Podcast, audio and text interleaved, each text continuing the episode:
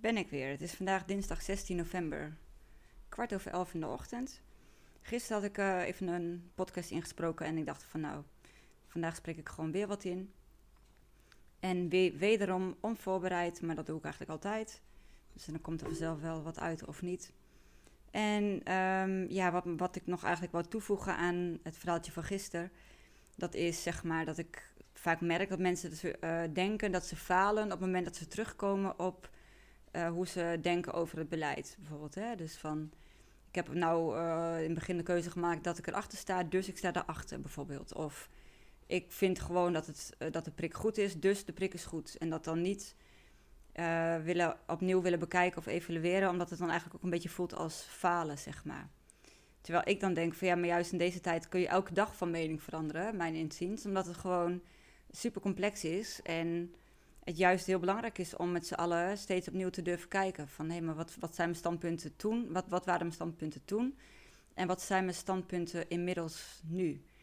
Um, omdat ik denk dat dat juist heel sterk is. Dus dat je in plaats van denkt van ja, maar ik blijf aan mijn standpunt, want anders moet ik toegeven dat ik het mis had. Ja, niemand heeft het mis. En, uh, en ik denk juist dat het heel mooi is als je met z'n allen dat gewoon uh, wat probeert, ja, wat durft los te maken, zeg maar. Van hé, hey, toen dacht ik zo, nu denk ik dat, morgen denk ik misschien wel weer anders. Maar je kunt pas een mening vormen, denk ik, helemaal over zo'n ingewikkeld verhaal als waar we nu in zitten. Uh, door dus steeds weer opnieuw te kijken. En steeds weer van vanuit een andere hoek en vanuit een andere visie en vanuit andere ogen en vanuit een andere situatie. Dus niet alleen maar vanuit daar waar je, nou ja, hoe je nu kijkt, zeg maar. Of wat heeft het voor consequenties voor mezelf of gelijk voor mijn gezin. En als ze dat allemaal wel meevalt, nou, dat zal allemaal wel meevallen nog. Maar dat je, ja, eigenlijk, ik, ik vind het zelfs zo belangrijk om juist die lange termijn, dat dat wat meer gezien wordt, hoe belangrijk dat is voor iedereen. Dus uh, ook al heb je het zelf nog wel goed nu, dat zegt dus niet zoveel. Want ja, als de boel, als de maatschappij steeds verder afbrokkelt en instort en de saamhorigheid daarmee ook afneemt, dan, dan komt iedereen vroeg of laat aan de beurt, zeg maar. Dus dan, uh, dus eigenlijk of je nou heel erg nu geraakt wordt als bijvoorbeeld ondernemer die het gewoon financieel niet meer kan, kan rondbreien. Of nog helemaal niet, omdat je gewoon elke einde van de maand wel je, je loon krijgt en zo. Of omdat je denkt, ja, ik ben gewoon voor de, fact, voor de prik, dus de rest uh, heb ik niks mee te maken. Dan denk ik dat het, dat het gewoon niet klopt. Want ik denk dat iedereen, ongeacht wat je positie nu is, of de last die je nu wel of niet ervaart, dat het voor iedereen nu um, ja, belangrijk is om dat dus veel breder te gaan zien. Want um, je kunt, zolang je je blijft afsluiten en oogkleppen op blijft zetten voor alles om je heen, omdat je eigenlijk ook best wel angstig bent om het onder ogen te komen, allemaal en dat je blijft vasthouden aan je eigen leven, wat nog wel gewoon goed loopt. Ja, dat daarmee je eigenlijk jezelf nog veel meer ellende creëert dan het gewoon is allemaal helemaal opnieuw te bekijken. Van hé, hey, maar ja, waarom zijn mijn standpunten zoals ze zijn? Um, wat, ja, wat zegt mijn gevoel er eigenlijk over? En, en dat soort dingen allemaal. Ja, dus dat vind ik een uh, belangrijke om uh, te zeggen. Um, en dat er eigenlijk altijd ook een keuze is. Hè? Ik bedoel, ik ben natuurlijk zelf gestopt met, uh, werken in loondienst, ook om deze reden. En dan denk je ook, jee, mag, dan spring je ook helemaal in het diepe, want ja, je moet ook gewoon je hypotheek en alles betalen.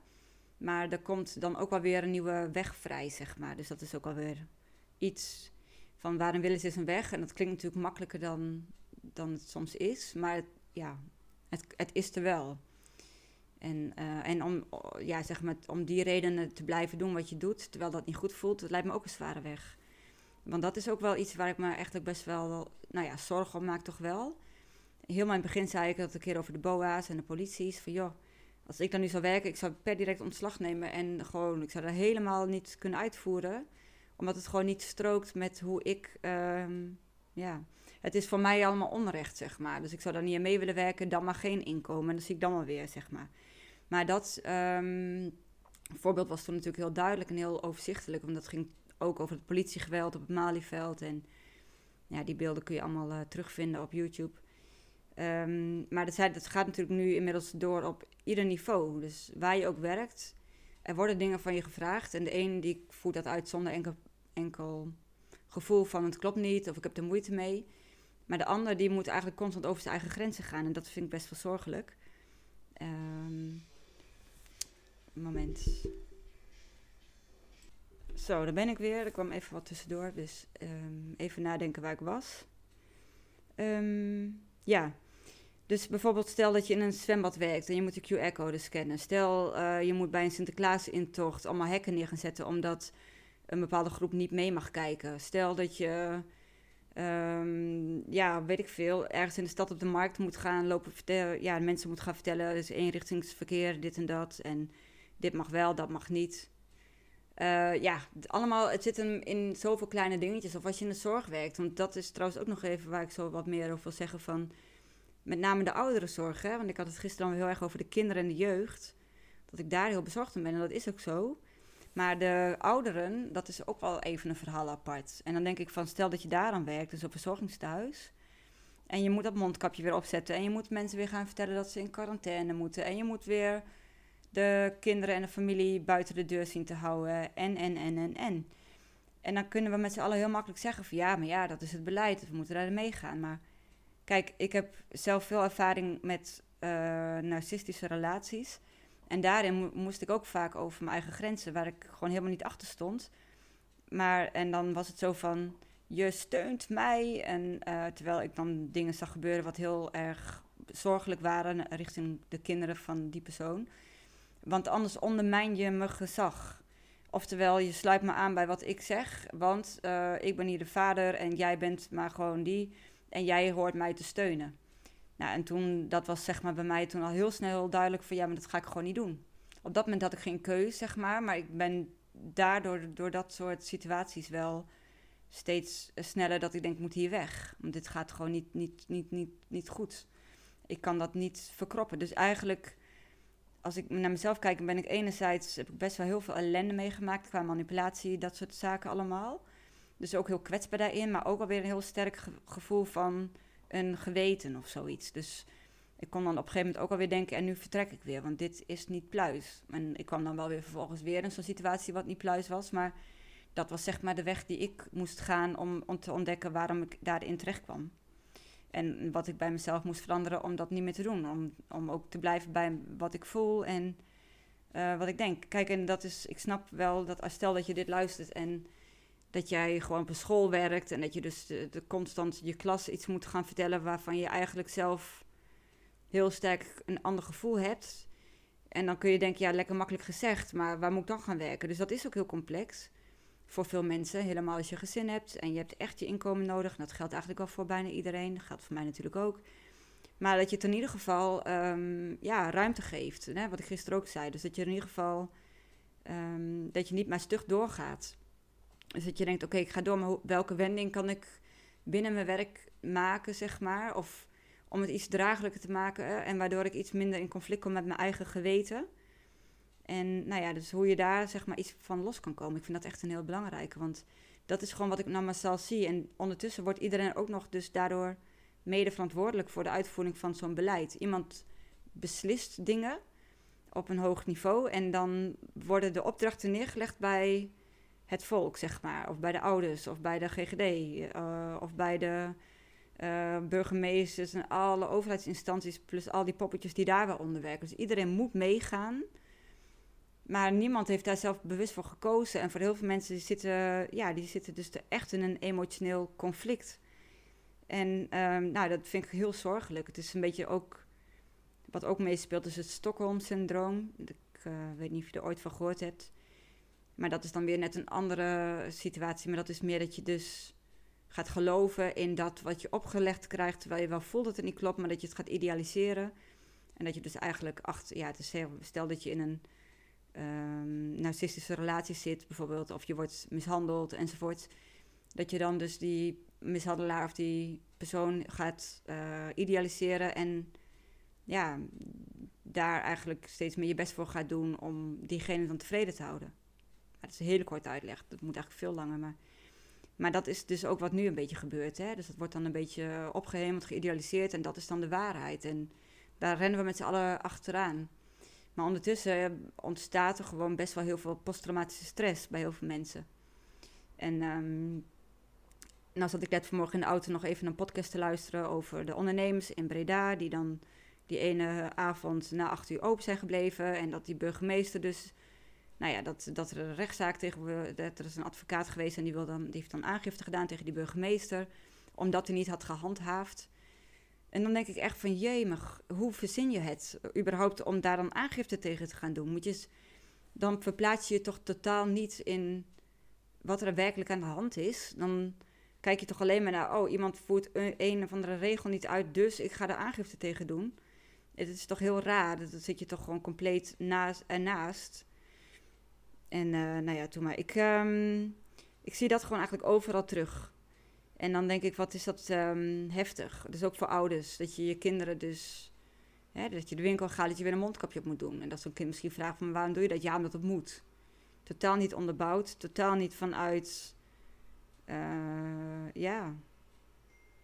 Ja, gewoon vanuit dat je daar zelf ook in gelooft en erachter staat. En dat je het kan uitleggen, zeg maar.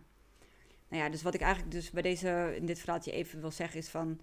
Ja, ik denk zelf dat het juist heel erg sterk is om wel van mening te durven veranderen. En om na te gaan denken over een plan B. Van wat kan ik nou eigenlijk wel doen? Bijvoorbeeld stel dat je dus op je werk zit en je zit daar voor je gevoel echt vast. Maar je hebt ook je inkomen nodig, dus je komt steeds verder in dat conflict. Dat je dan toch gaat, gaat ja, dat je de ruimte gaat geven van maar wat zou een eventueel andere mogelijkheid zijn? En of, of hoe zou ik me binnen het werk toch wat meer uit kunnen gaan spreken? Of hoe kan ik dan toch um, bijvoorbeeld in de zorg aan de mensen die je begeleidt of op school de groepen die, die je begeleidt. Hoe zou je dan toch daar nog het beste van kunnen maken? Om, omdat je, ja, hoe kan je dan toch nog aansluiten bij dat wat er eigenlijk echt aan de hand is? En hoe kun je daar dan eigenlijk juist ook een onderwerp van maken? Dus bijvoorbeeld ook als je dus inderdaad op school werkt, hoe kun je dan je klas ook gewoon, hoe kun je met, met elkaar in gesprek gaan van wat dit ook met iedereen doet? En, en dat soort dingen. Dus dat is allemaal complex en ingewikkeld, want iedereen wil niet buiten de, groep vallen en volgen wat er moet. Want er overal zitten dan consequenties op en eventuele ontslagen en eruit gewerkt worden en zo. Maar ja, ik denk op het moment dat je, daar, dat je die angst wat meer los kan laten en, en ehm, kan gaan kijken naar een andere manier van uh, inkomen krijgen, bijvoorbeeld online of nou ja, of met een ander soort, ander soort werk wat, wat, wat, wat beter past, zeg maar. Ja, dat het dan al heel veel ruimte kan geven om daar überhaupt gewoon eens naar te gaan durven kijken. Want hoe verder die maatregelen worden opgeschroefd, hoe complexer het wordt, zeg maar. Dus waar ligt dan jouw grens? Kijk, mijn grens lag dan misschien heel vroeg. Dat ik eigenlijk al heel snel dacht van ja, ho, stop, dit ga, kan ik niet ik kan niet met zo'n mondkapje de hele dag oplopen, terwijl ik totaal niet snap waarom. En um, de nevenschade constant, zie. Bij toen de tijd dan de groep mensen met een lichtverstandelijke beperking. Uh, ja, dus dat was toen. Uh, dat is, was dus anderhalf jaar geleden bij mij al. Maar bij een ander is dat nu. En bij weer een ander duurt het misschien nog langer. Maar ik merk wel dat heel veel mensen al wel klem zitten. Maar ja, daardoor ook klem zitten in hun denken van, maar wat dan wel? Dus dan denk ik van je kunt beter nu beginnen met daarover nadenken dan op het moment dat er echt nog meer verplichtingen gaan komen, wat ik niet hoop. Want ja, dan zit je helemaal in de, in de angst en in de crisisstand. En dan wordt denken helemaal een lastig iets. Dus dat. Want, um, en ook voor de mensen die dan nu denken van nou, stel dat die 2G wordt ingevoerd. En, of stel dat de prikplicht op het werk wordt ingevoerd, dan moet ik het maar doen. Dan denk ik ja, maar dat is echt niet zo. Want um, het blijft gewoon niet bij twee prikken. Dat dus ook iedereen die nu al wel die prik heeft gehad, ja, het is gewoon heel erg tijdelijk. En het is super ongezond, zo voelt het voor mij. En ja, kijk naar de landen om, om ons heen. Dus dan moet je ook ja, sowieso elk jaar zometeen een nieuwe prik. Anders doet je Q-echo dat ook niet. Dus stel dat je nu denkt van, nou, ik moet het maar doen, want anders ben ik mijn baan kwijt. Maar weet dan wel waar je voor kiest. Dan kies je echt voor een korte termijn soort van ja, ik zie het niet als een oplossing, maar dan heb je nog een paar maanden langer je, je baan. Want dan moet je weer de volgende prik. Want dat is gewoon waar het naartoe gaat. Dat die QR-code op een gegeven moment alleen nog maar werkt op bepaalde voorwaarden. Dus op het moment dat we met z'n allen uh, kiezen voor die QR-code. En dus ook uiteindelijk een hele grote groep dan nog toch nog maar wel voor die prik. Ja, dan denk ik van. Uh, ja, maar dat vind ik heel onlogisch. Want, want dan heb je die twee prikken gehad en over een half jaar ineens pliep, dan valt die QR-code uit. Want je moet je nieuwe prik. En anders dan maar niet werken en niet, weet ik het allemaal. Dus En dat klinkt heel onwerkelijk, maar inmiddels ook niet, denk ik. Want iedereen ziet wel wat er aan de hand is, hoop ik. En dan is het ook nog gewoon even nog één dingetje van... Dan werd er altijd gezegd, ja, je laat je prikken voor een ander en iedereen doet het voor elkaar. Nou, ik heb nog nooit één iemand gehoord die het voor een, een ander doet, hoor. Dus de ene die doet het omdat die weer uit wil. De ander wil naar het theater, de ander wil naar de McDonald's. De ander doet het toch maar uiteindelijk omdat anders uh, hij of zij zelf een andere consequentie ervaart. Dus daarin hoor ik nou niet bepaald, ik doe het voor een ander. Dus ik bedoel, um, ja, ik hoor eigenlijk alleen maar argumenten waarom mensen het doen voor hunzelf. Dus ja, in eerste instantie natuurlijk, want ik wil op vakantie, dus ik neem die prik. Ja, dat is toch heel erg voor jezelf. Heeft toch niks te maken met een ander. En ik neem hem niet. En daar ben ik ook heel duidelijk en eerlijk over. En maakt me ook niks uit. Maar ik uh, accepteer daarmee ook alles wat ik niet mag. En dan vind ik van alles van. Maar dan maar niet. En ook met zo'n QR-code, dat het dan de laatste tijd allemaal weer los kon. Denk ook, ja, ook dan. Weet je, ook al zou ik zo'n QR-code hebben, zou ik er nog steeds niet heen gaan. Dat is niet logisch. Dan zijn daar dus ineens allemaal blijkbaar geen besmettingen, terwijl die er dus gewoon wel zijn. Nou ja, dat hele verhaal. Dus um, weet waar je voor kiest en waarom je kiest wat je kiest. En stel dat je uiteindelijk nog kiest voor zo'n prik, omdat de druk steeds verder wordt opgevoerd. Weet dan ook dat het ja, dan van tijdelijke aard is. Dus je hebt een tijdelijke schijngevoel van je mag weer meer en dit en dat. Maar dat gaat gewoon, dit is het begin. Dus op het moment, en dat vind ik ook heel jammer, dus al die mensen die al wel dachten van nou ik neem die prik en dan is het klaar. En die komen er nu ook achter, het is niet klaar. En dan kunnen we blijven wijzen naar mensen als mij. Maar ik denk dat ik een van de weinigen ben die constant ventileert. Die alle deuren opengooit. Waar ik ook kom. Bam, bam, bam. Ben ik even verkouden, bel ik af. Blijf ik thuis. Uh, pak ik, weet je, als ik iets verkouden ben, hup, even stomen, dit en dat. En dan denk ik van ja, vooral dat ventileren met name, dat is zo ontzettend belangrijk. En dan um, denk ik, ja, wat is dan veiliger? Ik neem een prik, maar ik ventileer niet en ik mag weer naar een feestje, dus ik ga dat doen en, en dat soort dingen. Of ik neem de prik niet, maar ik probeer alle randvoorwaarden wel te scheppen. Waardoor ik veilig blijf voor een ander en voor mezelf, zeg maar. Dus, um, nou, ik hoop dat het een beetje een samenhangend verhaal was. Ik heb geen idee. Maar um, ja. Dus samengevat eh, komt er dus gewoon op neer van, ja, waar ligt jouw grens? Hoe lang ga je al over je eigen grens heen? Durf je opnieuw te kijken? Durf je opnieuw te evalueren? Durf je opnieuw je standpunten anders te zien. En durf je je stap voor stap toch wat meer uit te gaan spreken.